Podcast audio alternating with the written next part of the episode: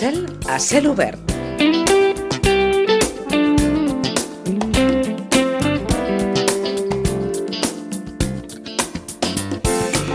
11 i 25 minuts i ella diu, o la premsa diu que ella diu, estimo el meu ofici. No crec que hi hagi un ofici més bonic que el nostre. Ho diu Rosana Lluc.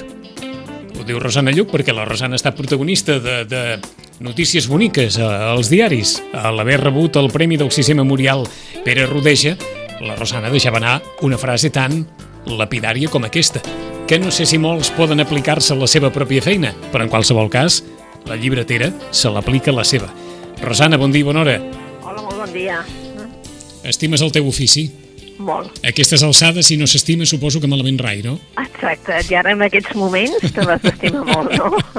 te l'has d'estimar molt. Has de demostrar que te l'estimes molt i te l'has d'estimar molt. Sí, te l'has d'estimar molt per, per, per fer-lo, per portar-lo endavant, per, eh, bueno, per passar tots aquests entrebancs que tenim amb gent que no llegeix, etc etc. Però és un ofici molt bonic. I tu Mhm. saps que estar envoltat de llibres és, bueno, és el somni de molts, molts, molts, molts de nosaltres. Ahir, precisament, que, que eh, saludàvem, ahir o abans d'ahir, saludàvem a una, a una escriptora de vocació, la Maria Rosa Noguer, Mhm. ens parlava d'una d'una petita editorial i del món de les petites editorials i, i eh, amb aquella sensació de dir hi ha molta gent que fa coses i que, i que en viu sobretot de la, de la satisfacció de, de poder-les fer més enllà de les grans xifres, de les grans editorials i dels llançaments, etc etc. I sembla que estem en la- a l'època de les de les petites coses, no? de les petites editorials, de, de l'edició vocacional, etc etc. no? Sí, tu, tu i jo hem comentat moltes vegades no? que, que és estrany que en un moment en què el llibre també passi tan, aquest moment tan dolent, doncs precisament hi hagi tanta gent vocacional que, que faci aquests petits editors independents que estan lluitant tant en, sobretot en català, perquè s'ha de lluitar molt més, doncs, eh, en català i en castellà, que, que editen i que fan allò, aquelles perles que ells creuen que volen treure i que, que s'han de treure. Uh, bueno, a part de que, doncs, evidentment, ells ja saben que no faran una edició ni de 3.000 ni de possiblement 2.000, és igual, però ells les treuen. Mm. I això és... El bonic és això, també, no?, que hi ha Eh, com un esclat. Això es, pot, això es pot aplicar al món de les llibreries? Doncs la veritat és que des de fa uns anys ençà, si te n'adones, hi, hi ha hagut també doncs, eh, moltes llibreries petitonetes que han sortit, eh, Gràcia, eh, saps allò, alguna, a l'Eixample, petitones, eh? petitones, de, moltes vegades d'una sola persona, però doncs, amb aquesta voluntat de, de ser un espai on es pugui veure llibres, els llibres que evidentment molt escollits, i després, a més a més, doncs, fer doncs, això, presentacions, um, xerrades amb autors i coses d'aquestes. Mm. Què ha significat aquest premi? Doncs per mi, eh, sí, eh, primer un, una sorpresa, perquè vaig tenir una sorpresa terrible, no, no sabia ni que, m'entens, tampoc no sabia el funcionament del premi, però per mi ha estat una sorpresa i un agraïment terrible, m'he sentit molt honorada doncs, que els companys, diguéssim, de, del món del llibre doncs, honoressin amb un premi, no? Mhm. I diguessin, escolta'm, continua, continua, continua, perquè has estat aquí, doncs, un munt d'anys doncs, El, el. Eh? el premi, ho apuntem pels oients, aboca la memòria d'un llibreter, si no recordo malament, d'un llibreter de Girona, senyor Pere Rodeja, Mhm. i eh, a partir de la, de, vaja, de, la, de la feina, de la vocació, de la vinculació del senyor Rodeja amb, el- amb el món dels llibres, em va quedar doncs, aquest testimoni que cada any és un premi que vol reconèixer la tasca dels llibreters arreu de Catalunya, no? Exacte, sí, sí, és, és, eh, era un, llibre, un llibreter que va fer la llibreria Geli, eh, i doncs que va portar endavant la llibreria Geli, ara continua havent-hi un altre Pere Rodeja, que seria el seu fill, que també està al davant de, de la llibreria, i és una llibreria, doncs, diguem-ne, d'aquelles mm, de fa tants i tants anys que ja doncs, és com un símbol de, a, a Girona. Mm -hmm. És un, era un llibreter d'aquells de tenir molta fons, de tenir-ho tot amb unes prestatgeries així, no? I de, el típic llibreter d'aquells anys que sabia on estava el llibre i, i sabia exactament què tenia i no tenia, no? Una mica allò, la vocació de llibreter. Ah, està clar. Uh, um, anava per aquí la darrera qüestió sobre aquest assumpte. Uh, rebre un premi no sé si garanteix molt eh, eh, el futur o no del negoci o el futur del negoci ho garanteixen altres coses. No, no garanteix gens un premi. No garanteix gens un premi, no, eh? No, el premi no garanteix res. No, res, eh? El que sí és que és, la veritat és que estàs molt content eh, de que t'anonin d'aquesta manera.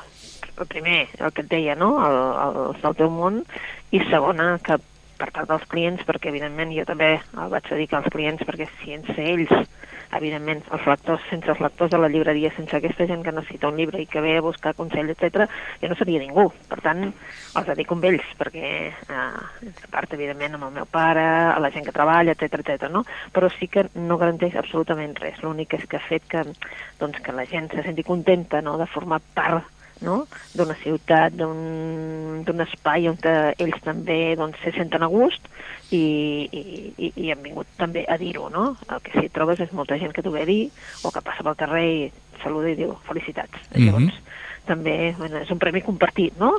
I el que no, no garanteix en absolut, en absolut llicència això és anar treballant cada dia, sí, sí. cada dia, cada dia, cada I, dia. I més, et, et parlem des de Sitges en què hi ha hagut més d'una experiència, sí, sí, inclosa sí. La, la pròpia Rosana. La, que, la, la, la, inclosa la nostra. Que la no, vostra. Que no, no va funcionar, que no, som no va un, funcionar. devem, eh? ser, devem ser un poble singular també en això, eh? perquè, Bé, perquè em sembla eh, Bé, Vilanova manté, eh, manteniu les dues llibreries, diguem-ne, Sí. tradicionals, veteranes, Sí, de sí. sempre a Vilanova, que són la, Sí, la sí. Llorenç i la Molassa, que és l'altra llibreria Sí. també que molts sitgetans han conegut en algun moment. Sí. Eh, aquestes dues es continuen mantenint amb, amb, amb forma, no? Més o menys amb, amb vitalitat. Sí, sí, totes Sí, dues tot. i ja saps que moltes vegades nosaltres fem coses conjuntes, és a Sí. dir, com a presentacions i coses d'aquestes les, les fem conjuntament perquè doncs, a vegades un autor doncs, venir un autor a costa i llavors en quina llibreria i llavors doncs bé, ho fem conjuntament, sempre, hem- sempre hem treballat molt conjuntament en aquest cas, i és clar, sí, eh, és curiós que aquí sí que batallem les dues i, i continuem tenint les dues llibreries obertes i en canvi a Sitges que en, bueno, hi ha Mhm. hagut mol, molts projectes i, i tots, tots han anat a, Mm, D'acord? a bueno, Sí, sí. Potser- potser més endavant, eh? A, No. Sitges, a Sitges ens hem convertit en una plaça on eh, els, els que tenen, els propietaris de quioscos, s'han convertit en llibreters vocacionals que Sí. intenten que intenten servir sí. d'una d'una forma eh, absolutament eh, efectiva a, a la clientela, però dèiem que és una derivada del, del negoci que, que no, vaja, que fa 20 anys enrere no existia. sí, exacte. I en canvi, Sí, llibreria, llibreria en el sentit estricte del terme mm, no sembla que, que acabi de, de, de quallar en, no, en aquí, no? I ja saps que també es necessita bueno, molta capital per fer una cosa així. Ah, mm, està clar. I, clar, eh, espanta, eh? espanta. La veritat és que espanta. Si no tens, eh, eh, avui dia, eh, no? Necessita per mantenir una llibreria, clar, és que hi ha un fons terrible que, que, que es necessita, doncs això, molta capital, a part de, doncs, molta dedicació, moltes hores, trobar els llibres, eh, bé, saps? Eh, Cada Mhm. vegada, doncs, les tecnologies ens ho faciliten, però alhora també t'ho compliquen, eh? D'acord? perquè és clar, qualsevol treu un llibre i qualsevol el posa, saps, a les xarxes i llavors trobar-lo de vegades és com un camí difícil, eh? Mhm. Vull dir que has de- has d'anar per aquí per allà a veure si trobes qui realment ha fet eh, a, a, té el llibre. Deixant saps? de banda l'oferta per internet, que és un altre, Això és un altre. que és un altre diguem-ne, competidor important, eh? Exacte, exacte. Sí, el, sí. que, el que sí no ha canviat i ens sembla que, que, que aquí deu haver algo fonamental també en el en l'esperit de- d'aquells que llegeixen és que el llibre electrònic no, no, no ha acabat de, de tirar endavant, eh? No, no ha acabat de tirar endavant. Eh, i, i, I ara hi ha com una... No sé si ho comentàvem amb tu, que hi ha com una recessió, és a dir, molta gent que té el llibre electrònic, vale? el té per segons què, però quan necessita una novel·la necessita venir a buscar la novel·la física, saps? Allò, tenir el llibre físicament. Vull dir, mm, no ha acabat de, de fer el que, saps? Vull dir, el que se suposava que doncs arrasaria, però bueno, és que... Sembla mentida, eh? Sí, però pensa que, què fem amb un telèfon, que és que ho fem tot, eh, amb el telèfon. Des Sí, del sí. telèfon ho fem absolutament tot. I potser, doncs, el llibre electrònic no ha acabat de collar perquè és que, bueno, el telèfon ha agafat tantes funcions que arriba un moment que jo veig que hi ha gent doncs, que en comptes de llegir un llibre doncs llegeix un capítol i el llegeix al telèfon. Ja no, ja ni, ni agafa un, un lector de, de llibre electrònic. No? D'acord, és a dir, directament des, de, directament des del telèfon. Des del telèfon. I la gent jove ja directament del telèfon agafen i miren un capítol Mhm. d'aquí, un capítol d'allà, un... Mm. Escolta'm, no crec que, que eh, arribin a llegir el llibre, eh? eh, però... mm, Rosana, que els oftalmòlegs tenen la vida assegurada, eh? Totalment, ja t'ho dic, totalment. I si no, fixa't que tots anem iguals. Eh? Perquè ens, en, alguns ja la tenim cremada, però uns altres es cremaran la vista, eh? Es cremaran, es cremaran, sí, sí. Se la cremaran, la Sí, vista. Se la Sí, cremaran, sí, perquè, sí. clar, és que imagina't, vull dir, amb un telèfon, eh? Amb un telèfon. Doncs, eh, doncs I, en, sí, sí. I anar llegint pàgines i pàgines amb un, amb un pàgines telèfon. pàgines, sí, en sí. fi, Eh, eh.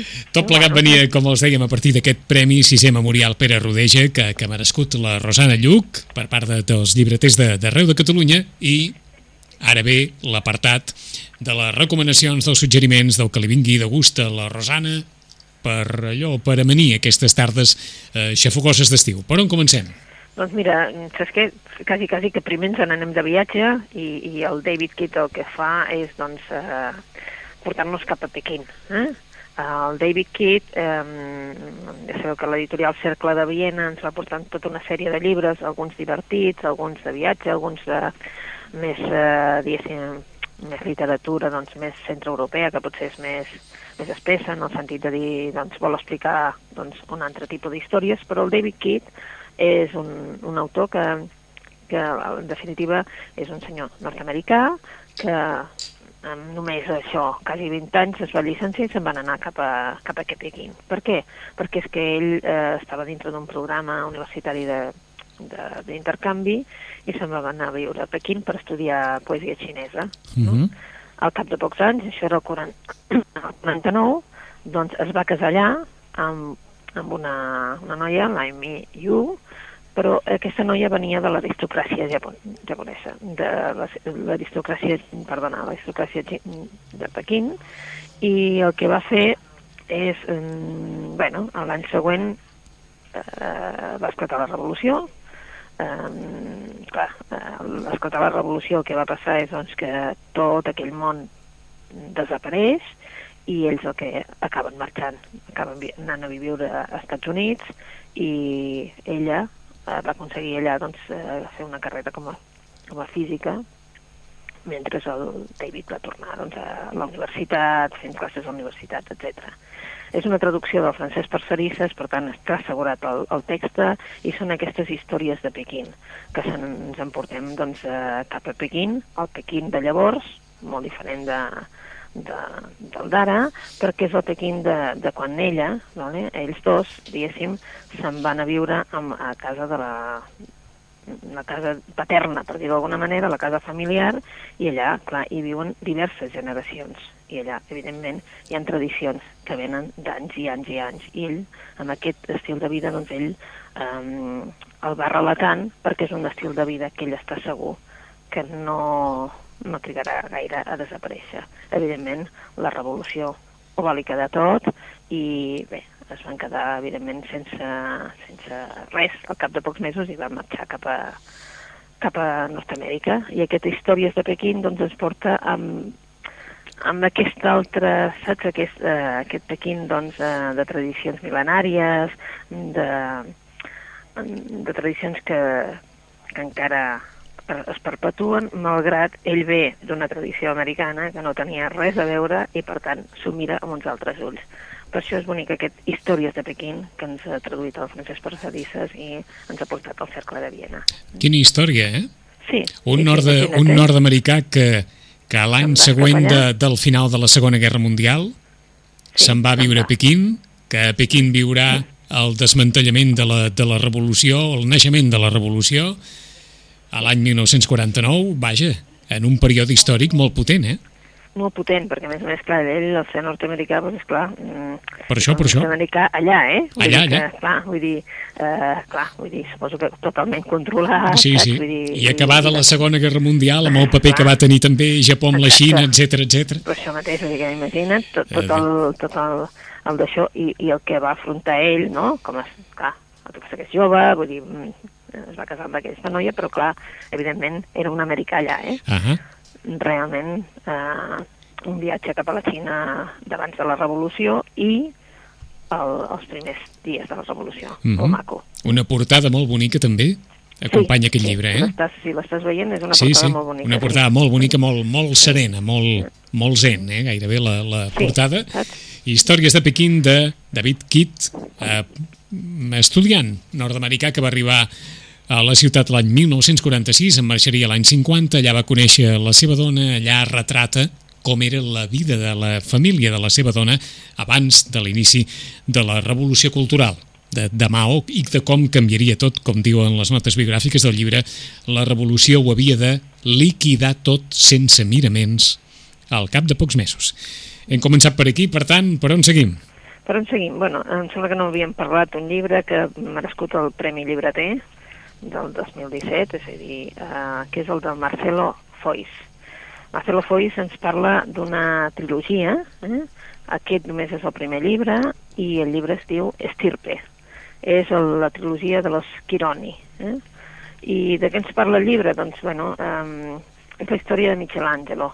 Michelangelo és un noi que és un, diguéssim, és un expòsit, eh? és a dir, va néixer en un hospici i, en definitiva, ja era, diguéssim, grandet, grandet vol dir 7 o 8 anys, que hi ha algú que el ve a buscar, el Giuseppe.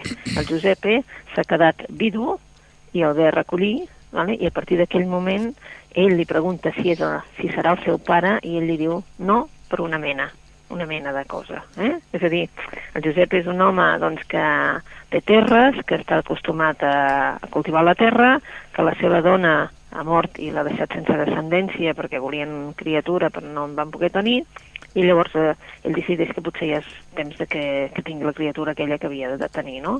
I va buscar el Michelangelo. I aquesta és la història del Michelangelo i de la seva dona, la que ell es casarà amb la Mercede. La Mercede és doncs també serà aquestes dones callades, quietes, mm, però que seran el pal de paller de, també de, de, de tota la família, no? El Michelangelo, la Mercede i la seva estirpe, los Chironi, que seran aquesta, una família, una família de ferreters, mm? perquè ells treballen al ferro, i el que passa és que van fent el Michelangelo, com veiem com van tenint criatures, com ell va prosperant perquè doncs, la gent necessita, doncs, com que tota la societat prospera, també prospera ell eh, fent balcons de ferro, fent coses així, però ell sap que ha de guardar això, que no ho pot dir, perquè, bé, saps? Quan arriba la modernitat a la petita filla de Nuoro, eh, doncs el que passa és que aquesta modernitat li arriba també amb ell, però sap que no ho ha de fer. Per què? Perquè potser tindrà un càstig. El té, un càstig en, en els seus fills, en els grans, que apareixen morts. A partir d'aquí, ells canvien, canviarà també la relació de la Mercede amb la vida, en tindran més, en tenen més de fills, són més petits, i ho anirem veient com van creixent els fills, com eh, els fills, doncs, mm, arriba un moment doncs, que n'hi ha un doncs, que marxa cap a estudiar fora, això és una illa, ha de marxar, és Itàlia, però és la Itàlia també de la guerra, la Itàlia doncs, que ell haurà, veurà com un fill també s'enrola a la guerra, com li suposarà això, aquests sentiments de que no es diuen però se senten, saps, allò, allò tancat d'una una història d'una trilogia familiar que serà preciós. Mhm. El Gavino, la Mariana, que seran els dos petits, també com ells es queden a la casa i l'altre no, mm, quina relació hi ha amb cada un dels fills. És una crònica familiar, però és allò, saps, és una crònica que també definiria molt a les famílies del moment. Eh? Hi ha una entrevista molt interessant al periòdico amb l'escriptor, amb Marcelo Foix, i entre altres coses eh, li pregunten, eh, creiem que hi ha dos paràgrafs que, que defineixen molt bé o acaben de definir el que ja ens ha apuntat la, la Rosana al parlar del llibre. Li pregunten, hi ha un moment a Estirpe en què un dels personatges se li anuncia que Itàlia ha entrat a la Guerra Mundial. I respon, bé, no passa res, això passa a Itàlia, no a Sardenya. L'escriptor és Sart, i ell contesta, als Sarts ningú els va anunciar que formaven part d'Itàlia. Ho sabia qui governava, els capellans i els rics, però la gent del poble no en tenia ni idea. Ho sospitaven quan havien de pagar impostos a desconeguts o perquè dos carabinieri els obligaven a marxar a la guerra. La forma en què els sards es varen convertir en italians fou més aviat cruenta, no fou una decisió que va partir dels ciutadans. Això és el que diu l'escriptor. I després rep el clau dient que la seva novel·la, Estirpe, es basa en la idea que en algun lloc ha de començar la identitat d'una persona.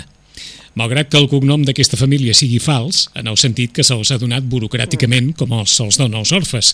Els Quironis són molt afortunats en els negocis, però, diu l'escriptor, tremendament desgraciats en el pla personal i la novel·la es desenvolupa entre aquestes dues tensions, fins que finalment arriba al món el fill escriptor, el que s'ocupa de la literatura, que és el que pensa que si s'inventa la història, finalment la tindrà. Què altra cosa no és sinó la literatura? Això és el que diu Marcelo Foix a partir d'Estirpe. I llavors tu tens la història que va seguint de, de la família i entremig doncs, els paràgrafs que hi ha, doncs, que és aquesta història dels Quironi que ve de molt lluny i que el fill doncs, va, va introduint, saps? Els hi va, els hi va llegint el reste de família perquè sàpiguen d'on uh mhm. -huh. venen. Eh? El primer, com els dèiem, d'una trilogia dels Quirones, estirpe de Marcelo Foix, acabat de sortir, ens hem ficat amb, amb una literatura, amb, un, amb escenaris eh, potents, eh, per començar sí. avui. Sí, la veritat és que sí. Bueno, sí que Saps què? Doncs així tornem, tornem cap aquí. Tornem sí, tornem cap, aquí. Eh, eh, jo estic esperant que surti la novel·la Policia que de. Ara, doncs ara bé, ara, bé, ara bé, doncs... com tu ja sabies que ja venia, eh? ja venia, eh? Si hi ha alguna cosa sobre la taula, ara m'hi fixava fa un moment, si hi ha alguna cosa sobre la taula, és novel·la policiaca, és horrorós. És, o sigui, entre intriga, policiaca, aventura, saps? Allò thriller històric i tal, bueno, mm, doncs sembla que només escrivim això, eh? Sembla. I també és cert que, que doncs, a l'estiu molta gent el que vol és això, saps? Una cosa que, em, que, em, saps? que em tingui entretingut però que jo no pugui pensar en res més. bueno, eh? en definitiva, escollim. Eh? I aquesta és la de la Berna González Harbour, que és la de la comissària Maria Ruiz. Eh? Eh, eh, no és la primera novel·la que escriu sobre, sobre aquesta comissària, es diu Les làgrimes de Claire Jones. I és una comissària a Maria Ruiz, eh, bé, la van enviar després d'un cas així complicat, la van enviar cap a, cap a, cap a una investigadora criminal cap a Sòria, ¿vale? I clar, és que allà mm, passar, passar, no passa res, i ell allà, eh, bé, allò que, que diem, mm, molt de sentiment perquè és que allà no passa res eh? o, o, almenys, Llavors, o almenys ens imaginem la Sòria, de, la, la Sòria de Machado no passava res. No passava res, llavors mm. clar, bueno, no, no, això és representa que és, que és ara, mm, però és que, que clar, l'últim que va passar va ser l'any 54, és clar, mm, estem ara ja, i ella, diguéssim que és un poble molt tranquil, però ella, el seu caràcter no és per estar en un poble tranquil, i això és com un càstig, no? I llavors, bé, eh, la comissària Ruiz al final el que fa és que cada cap de setmana se'n va a Àvila perquè té un amic malalt i per tant cada setmana el va visitar. I de cop i volta hi ha un altre amic des d'una de, altra comissaria que el, el, la truca i li diu vine cap a Santander, vine a descansar una mica perquè sí, tindràs uns dies de tranquil·litat. Se n'hi va, però és clar, ella el que necessita realment no és tranquil·litat, sinó una mica d'acció en la seva vida. I el que resulta és que el, aquest comissari, el Carlos, comparteix el cas amb, amb ella, el cas que té a les mans. Quin cas? pues, un, un, un cotxe abandonat en el port, uh, una noia morta, uh, un diari que surt pel mig, i bé, en definitiva, ella el que vol uh, és una mica, doncs, acció, i això és el que tindrà, perquè d'alguna manera és un cas que no és seu, però ella hi entrarà i s'enfrontarà, clar, sent que és comissari d'un altre lloc, que no és d'allà, s'haurà d'enfrontar amb tota una sèrie de burocràcia, però alhora, doncs, eh, ella necessita aquest cas perquè realment, si no, li passarà alguna cosa, saps? Necessita acció quan allà no n'hi ha. I per això el llibre eh, és senzill, està molt bé, ens passem de de Sòria cap a Madrid, de Madrid cap a Santander, i el que fem doncs és això, no? En definitiva, ella s'enfrenta a tota una sèrie de coses i entre elles també el seu passat, mm -hmm. perquè està allà per alguna cosa. I tot comença, com els dèiem, amb aquest cotxe abandonat al port de Santander, en el maleter una dona morta i el seient del copilot, un exemplar del Times amb data del 15 d'octubre del 98 i una notícia retallada. Així comença la història, o la veritable història, la que esperava la comissària Maria Ruiz, allò, l'acció que deia la, la Rosana, a Les làgrimes de Claire Jones, una nova novel·la policíaca de Berna González Harbour, acabada de sortir. Més. Més, doncs bé. Uh, ens n'anem amb una novel·la que ha publicat Aliança, Aliança ADN, Aliança de Novel·les, està traient tota una sèrie de novel·les que no tenen res a veure, diguéssim, amb, amb el segell d'Aliança com a tal, malgrat que diu ADN Aliança de Novel·les, eh? És un altre segell editorial dintre la mateixa editorial, no? I ara ens trobem amb una novel·la que es diu Comunitat, de l'Anne Patchett. De fet, l'Anne Patchett és una autora de diverses novel·les, aquesta ha rebut tots els premis a Nord-Amèrica i, a més a més, és una de les copropietàries de la llibreria Parnassus Books. És a dir, a més a més, eh, també té el perfil llibreter a la part de, de que en definitiva mm -hmm. no sé si estigui molt, però sí que realment per, pertany a la llibreria. De què ens parla la comunitat? Doncs bé, d'una comunitat petita, vale? um, en un poble nord-americà en el que un diumenge a la tarda hi ha un, en definitiva, un bateig. Estem al sud de Califòrnia i hi ha un bateig, hi ha una d'aquelles uh, festes que es fan en una casa en que hi ha massa gent, massa gent que mm, ni, de vegades ni es coneixen entre ells, però hi ha aquella sensació de, de que hi ha molta gent per tot arreu perquè és una casa, no? Bé, és un diumenge a la tarda i el Bert Cousins, que és una persona que diguéssim que ve de la Fiscalia, mm, que treballa a la Fiscalia, doncs apareix en aquesta, en aquesta en aquest bateig sense que tingui cap invitació. El que li obre la porta és, per exemple, uh, precisament el, l'amo de la casa, com si diéssim, no? Uh -huh. El kit, el kit. Uh, llavors el, el kit el, el que fa és um, obrir la porta, es troba amb ell, el coneix, el reconeix, diu, però mm, clar, com que no ha fet gaire cas a la seva dona de saber qui venia a la festa i qui no venia, i ell, ell va dir que hi havia massa gent, era una llista interminable, doncs no sap si ben, ben bé ell tenia invitació. En tot cas, li diu que passi i aquell porta una botella, um, diguéssim, amb un paquet, un regal poc adient, diràs, per un bateig. Per un doncs bateig. Sí, eh? una botella i porta una botella, doncs, evidentment, és, és alcohol. Mm?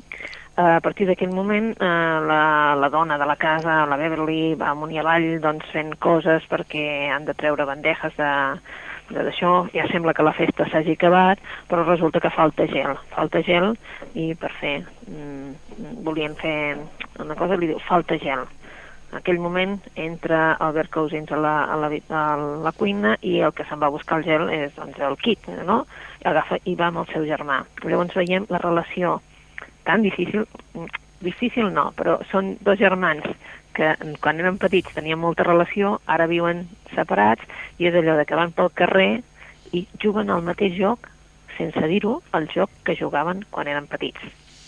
Eh? Mm, llavors, fa gràcia que juguin al mateix joc, perquè, clar, eh, han passat molts anys, tothom té la seva família, però ara estan jugant amb un joc.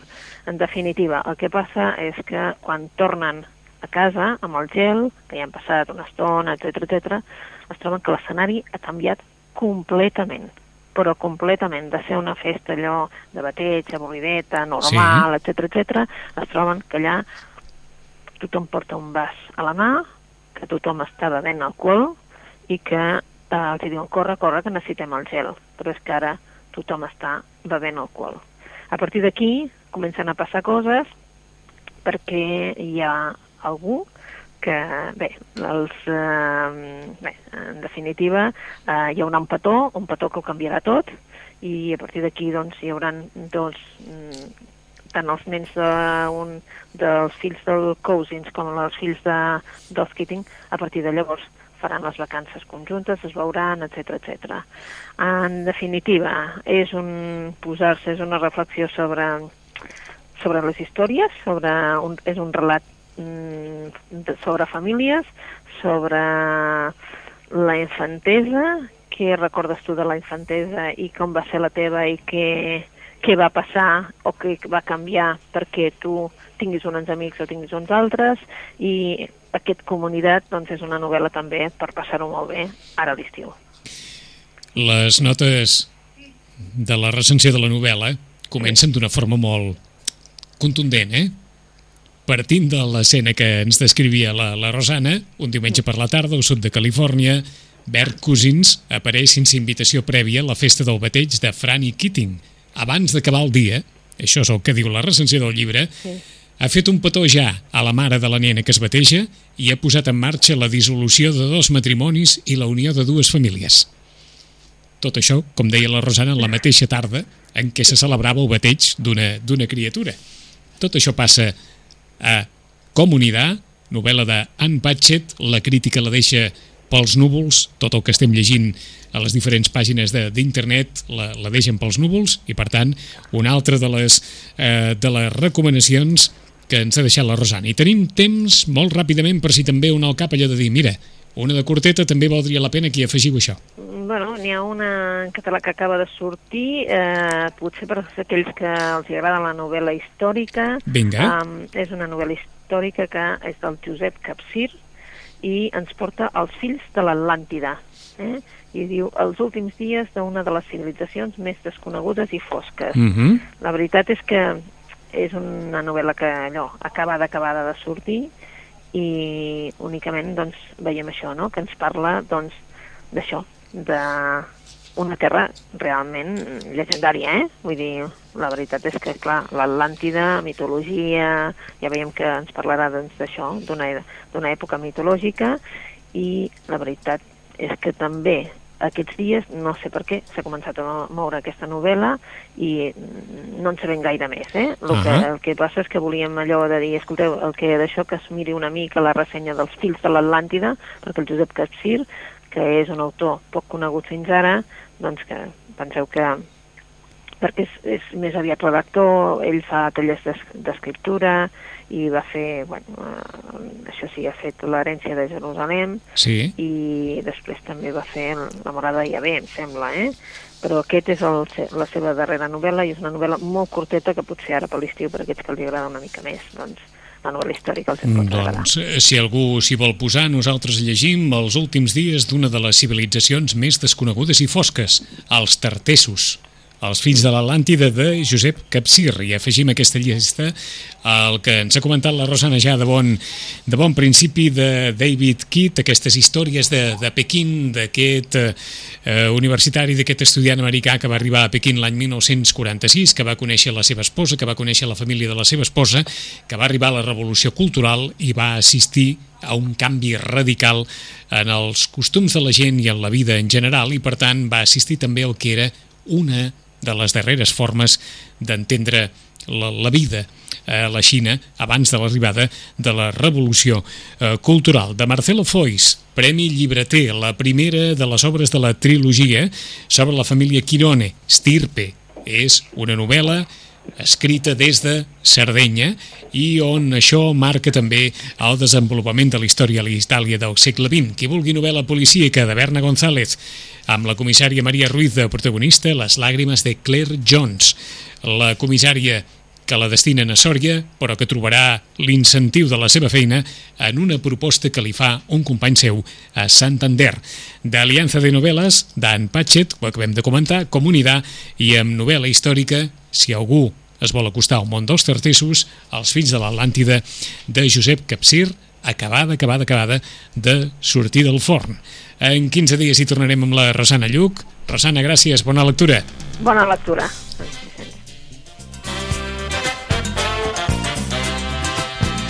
En 15, en 15 dies tornarem amb els llibres, no en 15 llibres tornarem en dies, amb Rosana Lluc. A tots vostès, demà hi tornem, demà que en Pitu Valera entrevistarà l'Oriol Monzó, campió una vegada més, perspectives de futur, etc etc. Els esperem demà dijous a partir de les 9. Que passin un molt bon dia. Adéu-siau.